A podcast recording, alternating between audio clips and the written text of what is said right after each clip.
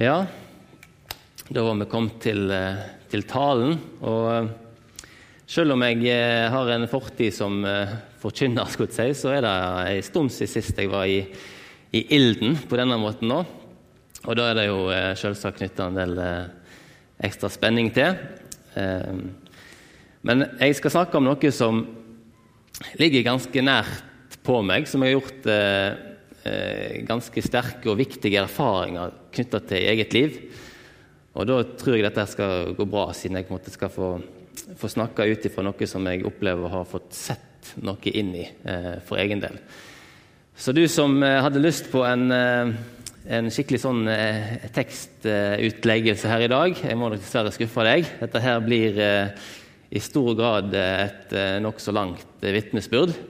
Og så håper jeg vi skal få noe både Guds ord og bibelvers og noe som er knytta til Gud, eh, innfletta i det. Eh, det er jo vanlig å ha en sånn vits innledningsvis kanskje når jeg skal tale, og den er kom på knytta til dette emnet som går på arbeid og, eh, og gudstjeneste i arbeidslivet. Sånn. Det er jo dette her med at For dere som har sett temaet, så tror dere sikkert at i dag blir det jobbsbok. Sant? Ja. Men eh, da blir det da ikke. Eh, selv om ordet 'jobb' kommer til å være sikkert i bruk en del. Eh, det som er litt interessant i forhold til arbeid, da, det er jo at eh, for de fleste av oss så bruker vi mer tid på arbeid enn med venner og familie. Eh, de som regner, de tror jeg kommer fram til at sånn ca. 50 000-60 000 timer av et liv går med på å være på arbeidsplassen eller å jobber.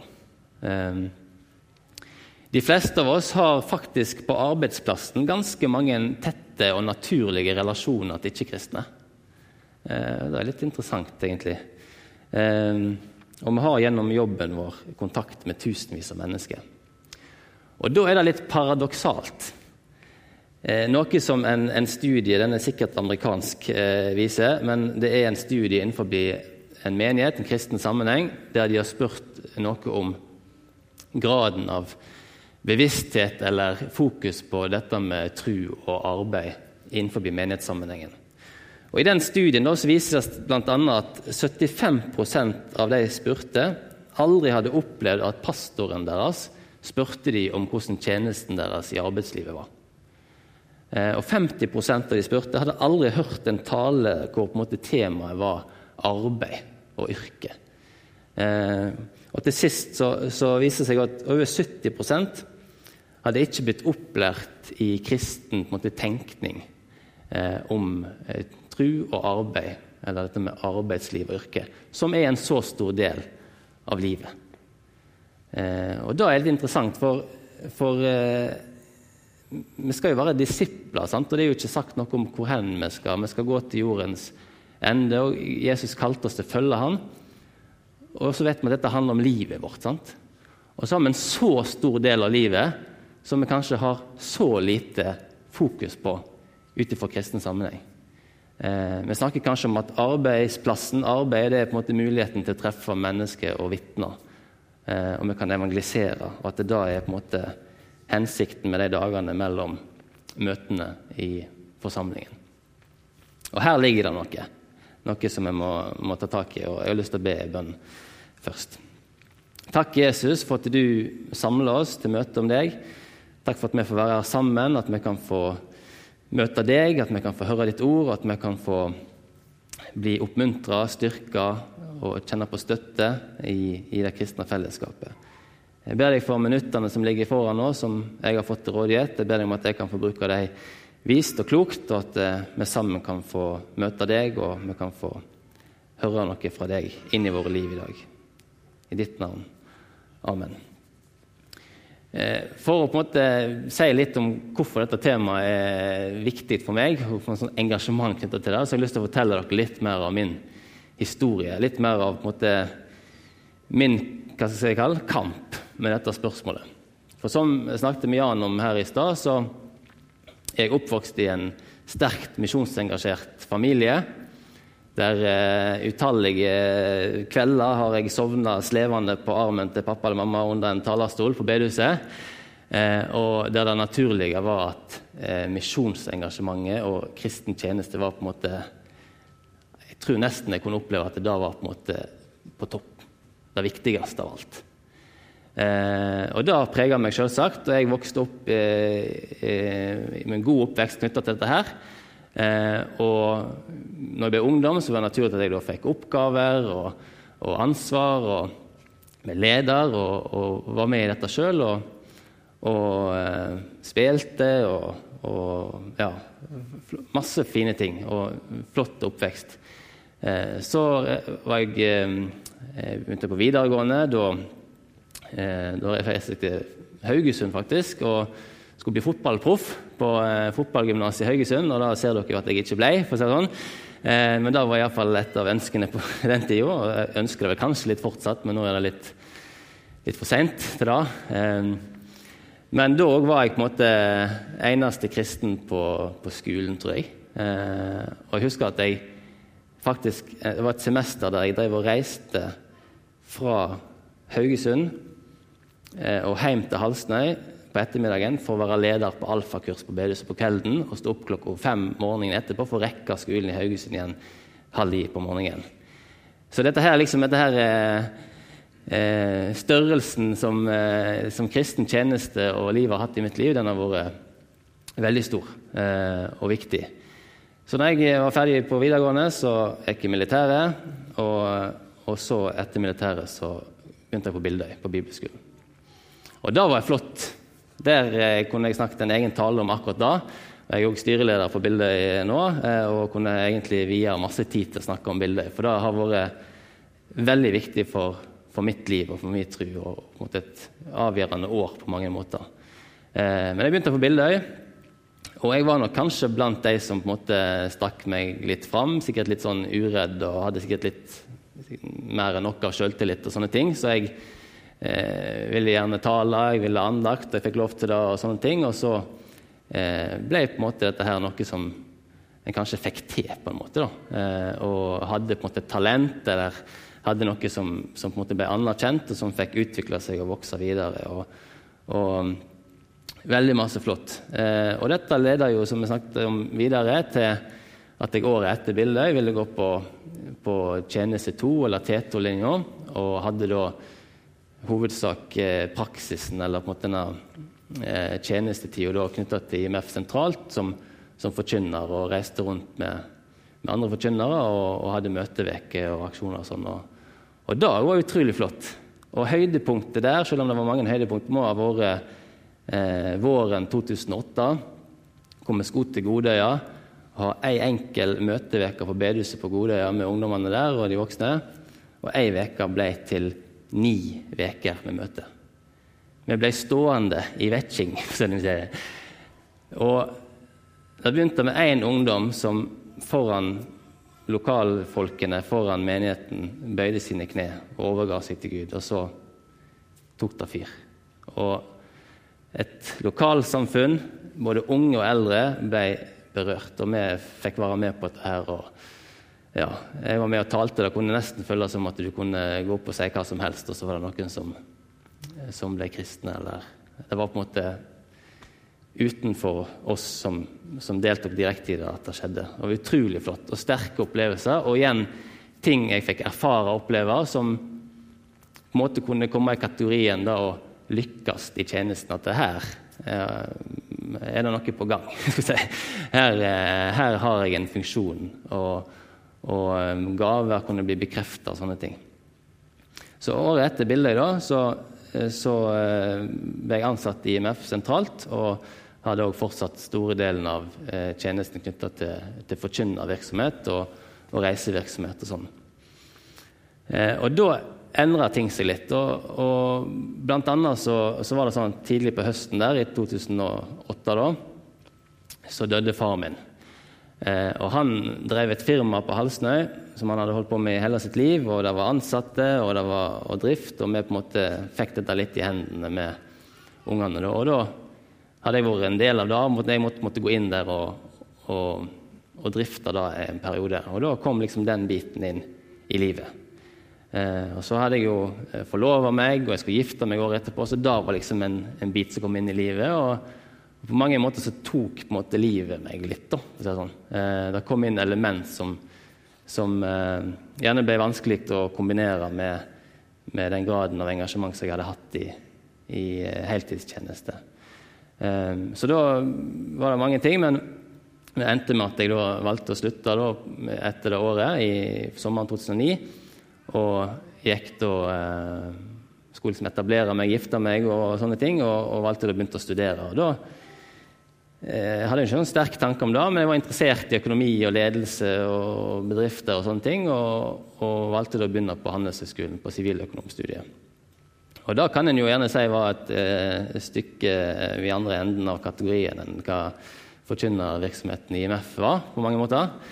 Eh, men jeg gikk der, og og forlot da på en måte heltidstjenesten i IMF. Så eh, bodde vi jo her i byen, og vi gikk her i Betlehem. Og jeg eh, tror nok jeg hadde med meg en sånn i fall, eh, mer eller mindre bevisst tanke om at jeg hadde sett andre før meg som på en måte hadde gått på Bildøy, vært i misjon, og så forsvant de.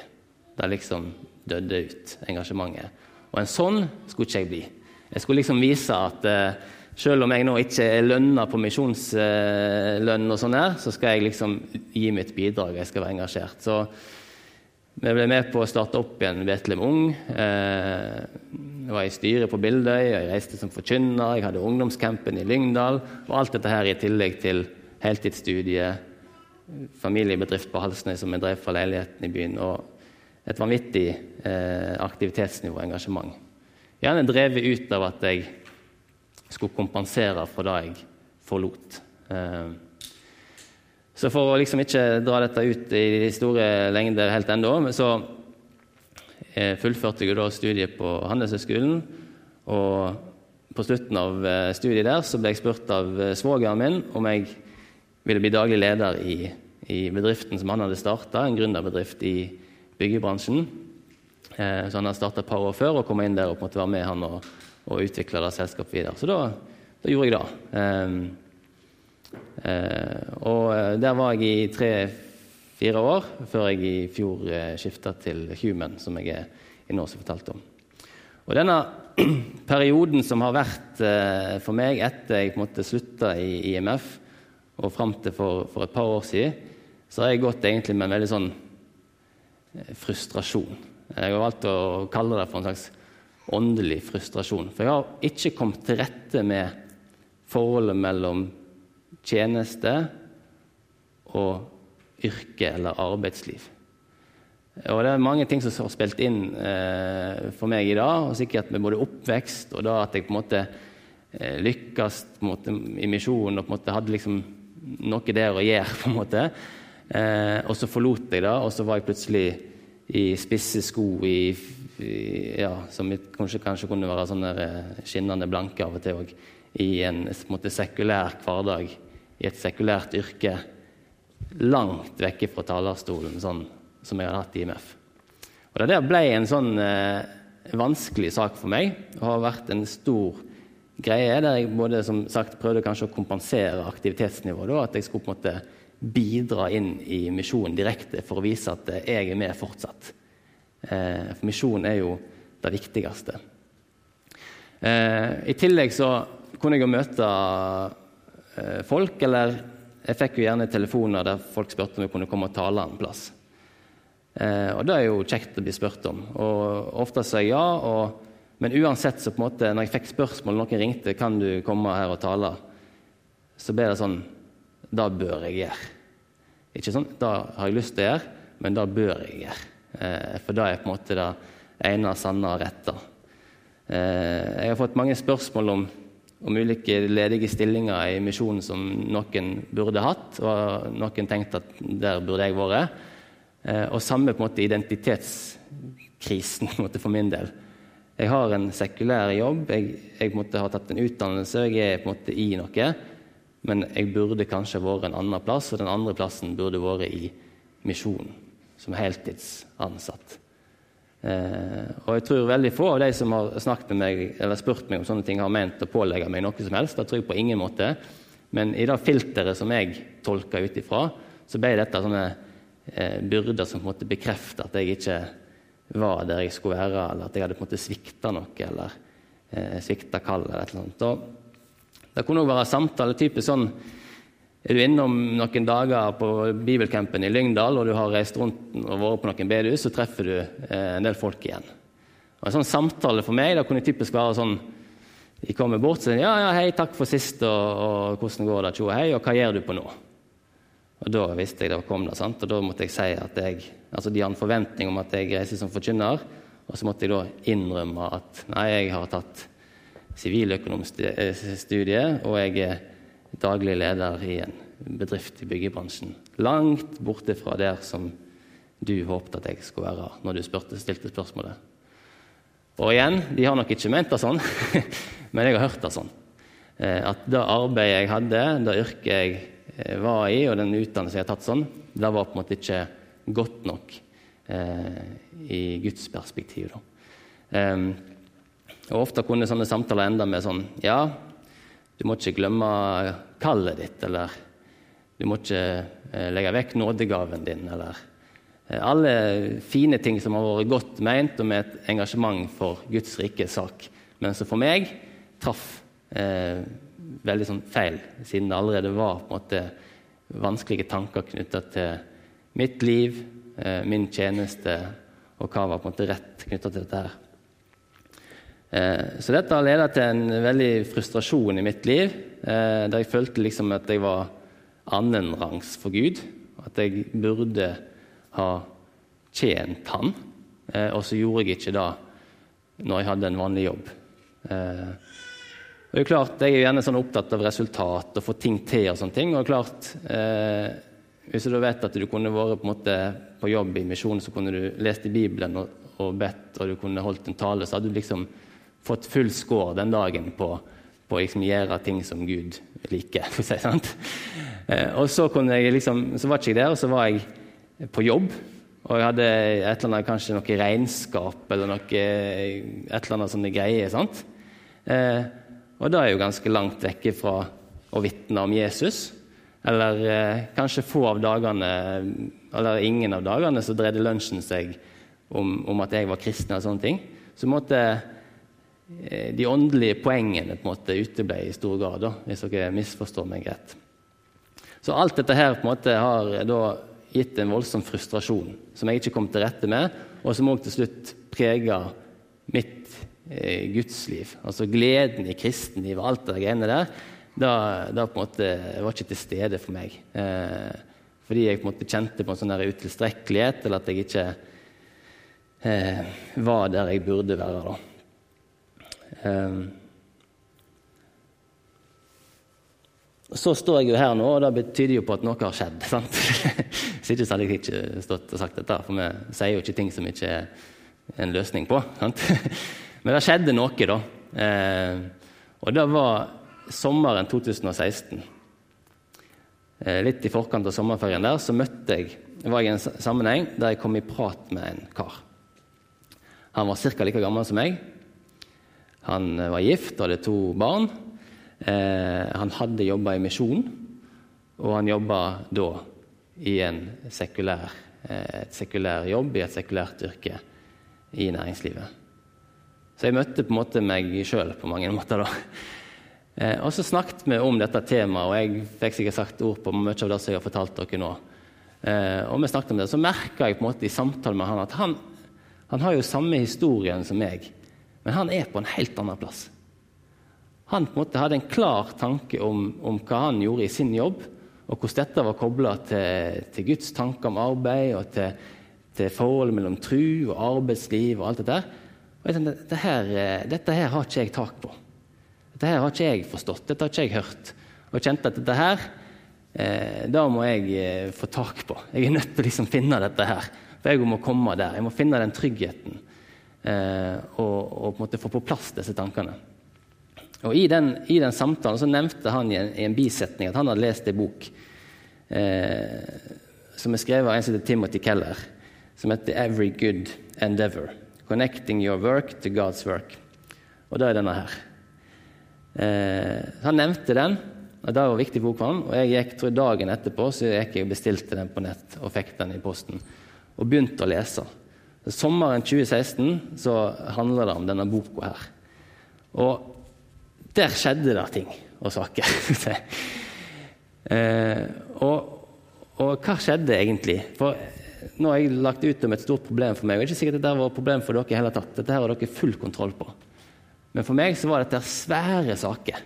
Fordi på en måte problemet mitt hadde vært så stort, eh, og, og kampen hadde vært så stort. I denne boka så, så går eh, Den er jo tjukk og, og lang. Og veldig glad for at jeg har bok med meg, for Johannes Kleppa sitter her. Og han eh, har jeg sett mange ganger ha bøker med seg på talerstolen, så det var kjekt at jeg hadde det i dag. Eh, men, men, eh, men, i den boka så går Timothy Keller i dybden av hva Guds ord sier om arbeid. Og Da er det ikke så mye jobbsbok, tror jeg, men, men iallfall om arbeid og, og, yrke, og hva Gud har tenkt om dette her, og hva dette er for noe. Eh, og Det var jo så enkelt da, som i første Mosebok. sant? Eh, Gud skaper mennesket, i vers 2,15. Gud Herren tok mennesket og satte ham i Edens hage til å dyrke og verne den.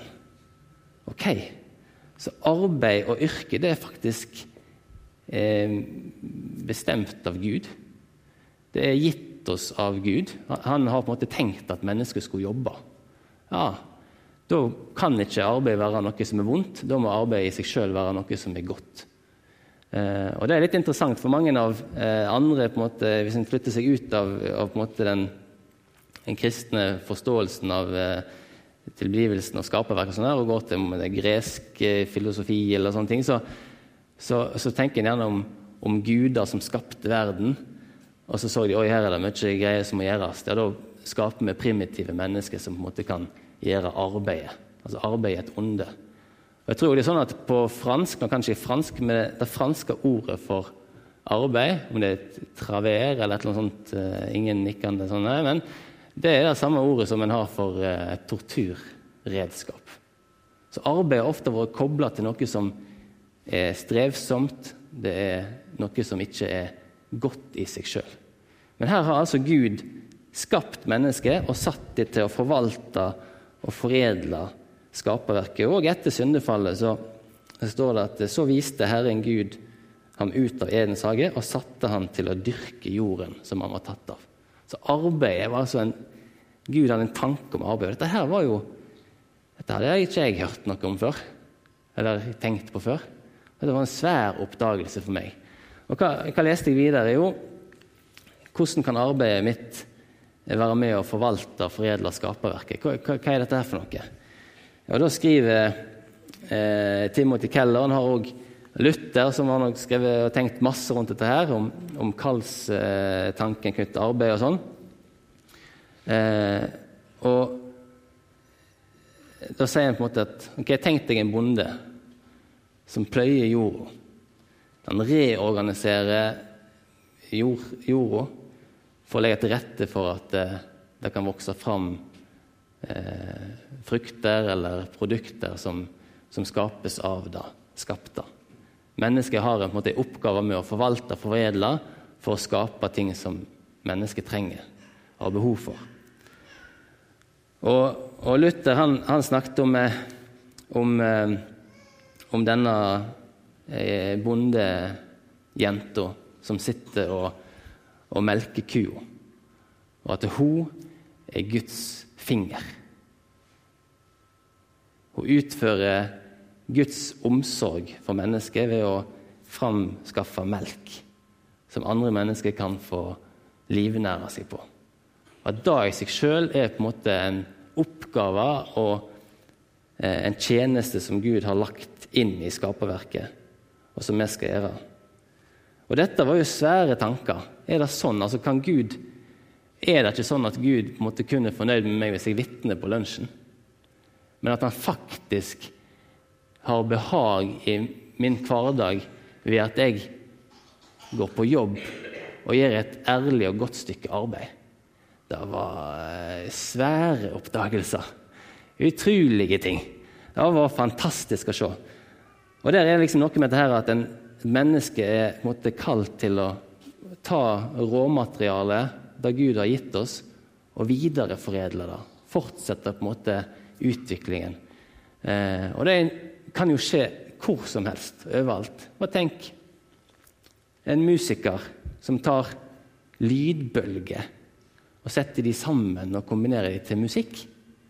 En tar måte, råmaterial eh, og skape noe fantastisk. Eller en, en skiaske som, som, tar et stykke stoff og setter det sammen til et klesplagg. En forvalter skaperverket. Eller noen som driver med utvikler teknologi som kan styre elektrisitet. Ha! Råmateriale som måtte bli tatt i bruk og forvalta og foredla av mennesket. Fantastisk. Eller en lærer som møter et, eh, et barnesinn som skal lære seg å lese og skrive. Og så på en måte ligger der på en måte et unikt stykke materiale skapt av Gud, som et annet menneske får forvalta, foredla. Og så er det en villa, ønska handling fra Gud i seg sjøl. Ikke bare et middel til noe annet, men et mål i seg sjøl. Ekteskapsrådgiveren som hjelper et par i konflikt til å få ordne opp. Eh, og Timothy Keller han skriver i denne boka at eh, hver gang et menneske skaper orden ut av kaos, så gjør en Guds vilje. Og Dette her var som sagt helt sikkert uh, ting dere har tenkt på alltid, og ingen problem for dere, men for meg, som hadde liksom gått ifra denne uh, uh, talerstolen til uh, spisse sko på arbeidsplassen og ingen vitninger, noen ting sånne, og bare på en måte uh, mislykka på mange måter, så var dette ekstreme oppdagelser. Jeg leste dette denne sommeren, og jeg kjente fysisk på kroppen at jeg hadde vært bundet av noen tankesett som var helt feil. Og jeg ble satt i frihet. Jeg, var, ja, jeg er ikke sånn veldig sånn eh, karismatisk av meg, sånn, men jeg kjente fysisk at jeg bør ble løfta av mine skuldre. med dette. Jeg kunne tenke om jobben min. altså Jeg kunne gå på jobb, jeg kunne sitte i Excel og ha god økonomistyring. Og så kunne det være noe som ga Gud ære. Jeg hadde et yrke, et arbeid som var til det gode for andre mennesker. Jeg kunne sikre jobbene, jeg kunne legge til rette for at andre mennesker fikk utvikle seg. Eh, jeg kunne sørge for at folk fikk lønn, sånn at de kunne kjøpe mat til familien sin. Jeg gjorde ting som i seg sjøl var til det gode for mennesket.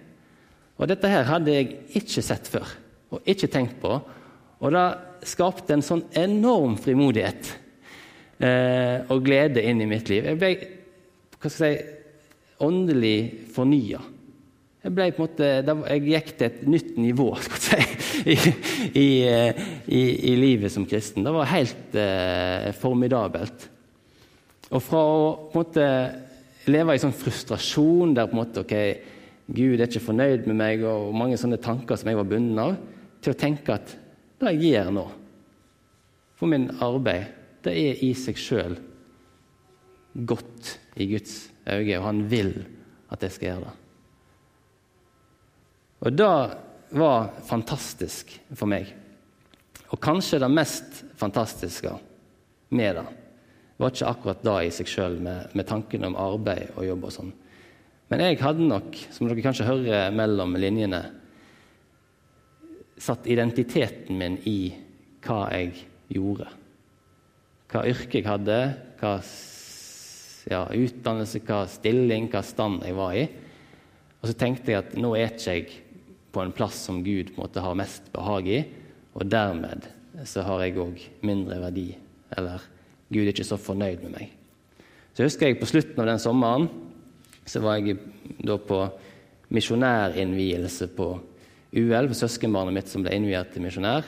Og Jeg husker på det møtet som sto der, og så plutselig så, så jeg denne historien som jeg nå har fortalt dere. Jeg så den på en måte i, i revy. Jeg så årene med frustrasjon, og på en måte jeg forsto hva som hadde skjedd. og jeg så dette her, Og så så jeg ok, her har jeg vært frustrert. Gud, jeg har tenkt at Gud ikke var fornøyd med meg. Og så møtte jeg han karen der, som gjorde at jeg møtte han karen der, som nevnte i en bisetning ei bok som jeg leste, og hvor det gjorde alt nytt. Alt ble endra.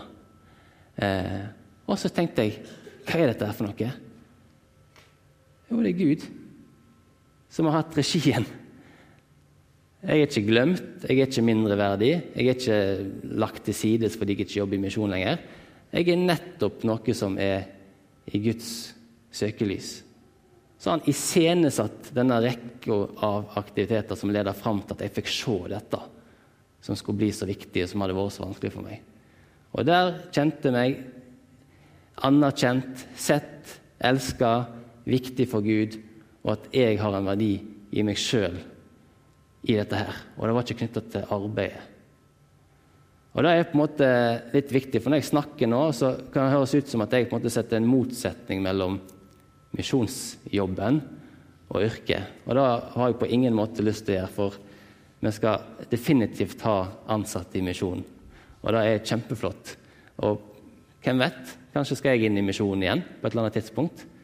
Eh, så jeg har ikke lyst til å sette skille, men jeg tror på en måte med jeg tror det har vært noen ting som har vært sagt, eller som ikke har vært sagt til meg opp igjennom, som har vært med og skapt at jeg tenkte feil om, om arbeid og yrke i seg sjøl. Eh, og det har jeg lyst på en måte at vi skulle ha fokus på i dag. Eh,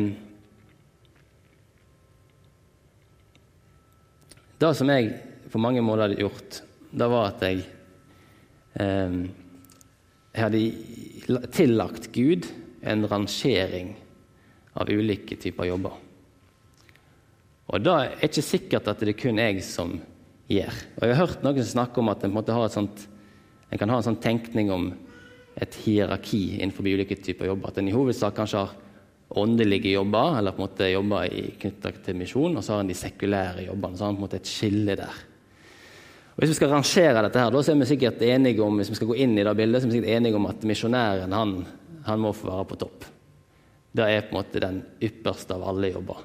Eh, da reiser en fra alt. En gir seg på en måte fullt og helt, og en reiser langt vekk, og så er en misjonær. Det er liksom ti poeng, skal vi si. Topp, toppscore. Så har han gjerne pastoren. da, Han reiser jo ikke nødvendigvis så langt vekk, han er gjerne eh, der han bor, men, men på en måte det er på en måte en flott åndelig jobb. og han har Eh, diakon og menighetsarbeideren det er kanskje litt lenger ned, for det er ikke så mye på talerstolen, sånn kanskje. men det er jo en kristen jobb, så da er liksom litt oppi der i tetssjiktet. Så fortsetter det litt nedover. sånn, sant? Og, og, teltmakeren han er jo med på åndelig side, men, men, han driver jo med yrket sitt og ikke med, med på en måte kristen tjeneste direkte. Så, så fortsetter det, så skifter vi over til den sekulære sida. Der òg har vi masse flotte jobber. Sant? En har jo jobba i offentlig, en har som helsevesen, eller, men på bunn, da, det er liksom det på bunn, der ligger næringslivet. Business. Det er liksom wow. Og der går en i spisse sko, og eh, vanskelig å gå i tro med spisse sko. Eh, og så er det på en måte egoisme, det er urettferdighet, det er folk tjener seg sjøl. Sånn tenker vi. Og Hvis du er kristen som blir næringslivet, så verdsetter vi deg som menighet fordi du tjener mest sannsynlig mer penger enn de fleste andre, og så kan du være med og gi mer til misjon. Da er på en måte nytten. Eh, men denne hierarkiet det er jo ikke fra Gud. Det er på ingen måte fra Gud. Og absolutt er det masse galt med arbeid. Jeg skal ikke på en måte forherlige arbeid i seg sjøl. Det er et syndefall som har skjedd. Det er mye galt med arbeid, og alle typer arbeid. Men arbeidet i seg sjøl og tjenesten i hverdagen i seg sjøl er tenkt fra Guds side å være en gudstjeneste uavhengig av sammenheng. Eh, fordi det er arbeidsgiveren Gud sjøl vi tjener. Eh, og dette gjør måte at jeg tenker noe om om det med å være i, i næringslivet spesielt. da. Eh, det er nok ikke på bunnen. Og En annen bok som jeg har lest fra en som heter Jeff Van Duser, som er en, en eh, professor på et amerikansk eh, college eller universitet. og han, han, skriver sånn om næringslivet i boka si som heter 'Why Business Matters to God'. Der står det sånn Mer enn noen annen institusjon preger næringslivet verdenssamfunnet. Av de 150 største økonomiene i verden er bare halvparten en nasjon, altså et land. Resten er bedrifter. Det betyr at store andeler av verdens ressurser kontrolleres av nettopp næringslivet. Det årlige salget fra de 200 største selskapene i verden er større enn det samla nasjonalproduktet eller økonomiene til de 25 største landene i verden. Dette betyr at aktørene i næringslivet er de som preger den verden vi lever i.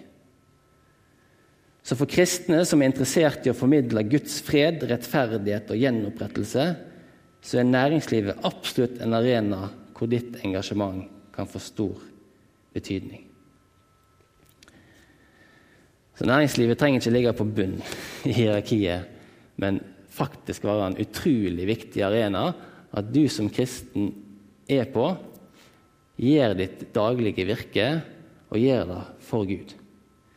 Ehm, for som sagt så, så på en måte mener ikke jeg nå å si at liksom gå på jobb i morgen, og på en måte så lenge du er der fra åtte til fire, så liksom eh, er det bra.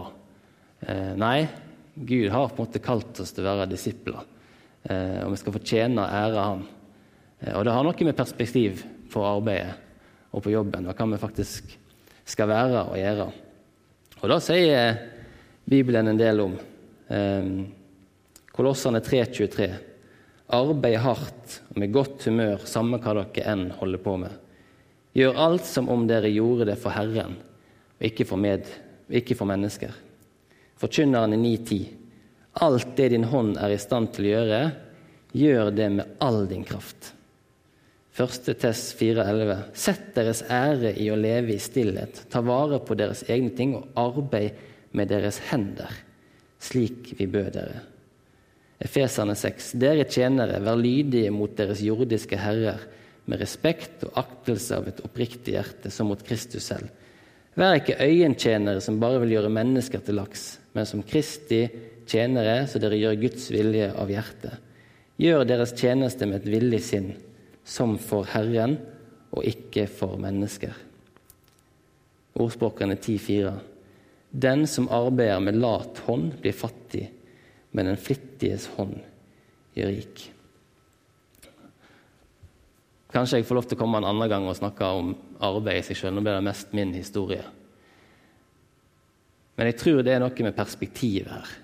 Eh, vi er mer på jobb enn vi er med med familie og venner. 50 000-60 000 timer i løpet av et liv tilbringes på arbeidsplassen. Der har en faktisk naturlige og tette relasjoner til ikke-kristne. Og så har vi på en måte så lite fokus på det. Tenk sånn, Hva betyr dette inn i, i, i, menighetsfellesskapet? Hva betyr det inn her i Betlehem for oss? Eh, hva kan vi gjøre med dette her? Jo, altså Menigheten har mange viktige funksjoner, og, og vi skal samles til ære. Men jeg føler ofte på at liksom, det er på en måte aktiviteten innenfor eh, forsamlingslokalet som på en måte er, er på en måte fokuset. Og så jobber vi og styrer på, og så, og så skal vi ha folk som er ute i hverdagslivet sitt og er i en berettiget tjeneste for Gud, så skal vi på en måte få dem med i en tjeneste. Sant? Vi må ha folk inn i tjeneste, vi må, vi må ha folk til å være frivillige. Sant? Kan det være at vi bare skulle snudd dette på hodet, så kunne vi si ok, vi som fellesskap hva kan vi gjøre for deg som er en arbeider i ditt vanlige liv? Hva kan vi gjøre fra fellesskapets side for å styrke deg som er en yrkesutøver, som er et, en arbeider, som er i et hverdagsliv? Framfor på en måte at fokuset er at vi skal på en måte ta folk og få dem til kanskje ta fri fra jobben for å komme på et komitémøte for å arrangere et eller annet basar eller noe. Eh, det ene utelukker ikke det andre. Og hvis balansen i det jeg sier nå, kommer ut på en måte som gjør at eh, misjonen kommer annenrangs, så er det ikke det jeg mener. Eh, men jeg har følt sånn på i mitt eget liv at eh, jeg misforsto. Eh, jeg så det ikke, eh, hva Gud egentlig hadde tenkt. Og hva Gud kunne ha behag i, i bare at jeg gjorde jobben min.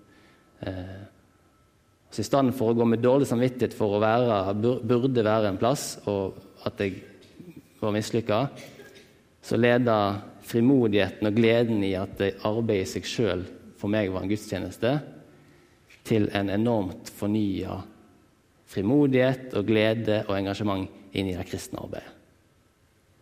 Eh, og Kanskje kan det være sånn for flere av oss. Nå er vi her på gudstjeneste. Hva skjer i morgen når vi åpner PC-en og, og, gå inn på jobb? Sant? Det Er sånn logg ut av kristenlivet? Eh, logg på jobben? Det skal jo ikke være sånn. En skal tjene Gud, og Han Tenk du som skal kjøre en buss i morgen, eller som skal være lærer, eller du skal gjøre et eller annet sekulært. Tenk hvis vi i morgen kunne sånn tenke sånn ja, I dag tjener jeg Gud. Han har behag i dag her. Så vil kanskje frimodigheten og gleden av å få være på jobb med Gud lede til at du er litt mer på hugget på lunsjen. Litt mer bevisst på hva du egentlig holder på med som kristen. Så tror jeg det er sånn et perspektiv der. Det Skal vi be. Takk, Jesus, for at du har fått lede meg, og for at jeg har fått sett disse tingene og den betydningen det har gitt i mitt liv. Jeg ber deg om at du kan få ta det som er blitt sagt nå, at det som skal stå igjen, kan få stå igjen. Jeg ber deg for oss som er her, at vi kan få leve hele liv. Ikke vi deler kristenlivet inn i det som skjer i menigheten og i bibelgruppa men at hele livet vårt kan få være en gudstjeneste for deg. Takk for at du kom til jord, og du gjorde den største jobben av alle. Du tok tordnene og tislene som var resultatet av menneskers sine henders verk, og bar de til Golgata på din egen kropp. Takk for at du gjorde det største verket, den største jobben av alle og døde for oss, satte oss i frihet, sånn at vi kan fortjene deg. Jeg ber deg om at vi kan få bruke våre hverdager, våre arbeidsdager, til å ære deg, tilby deg og leve for deg og forlede mennesket til deg. I ditt navn.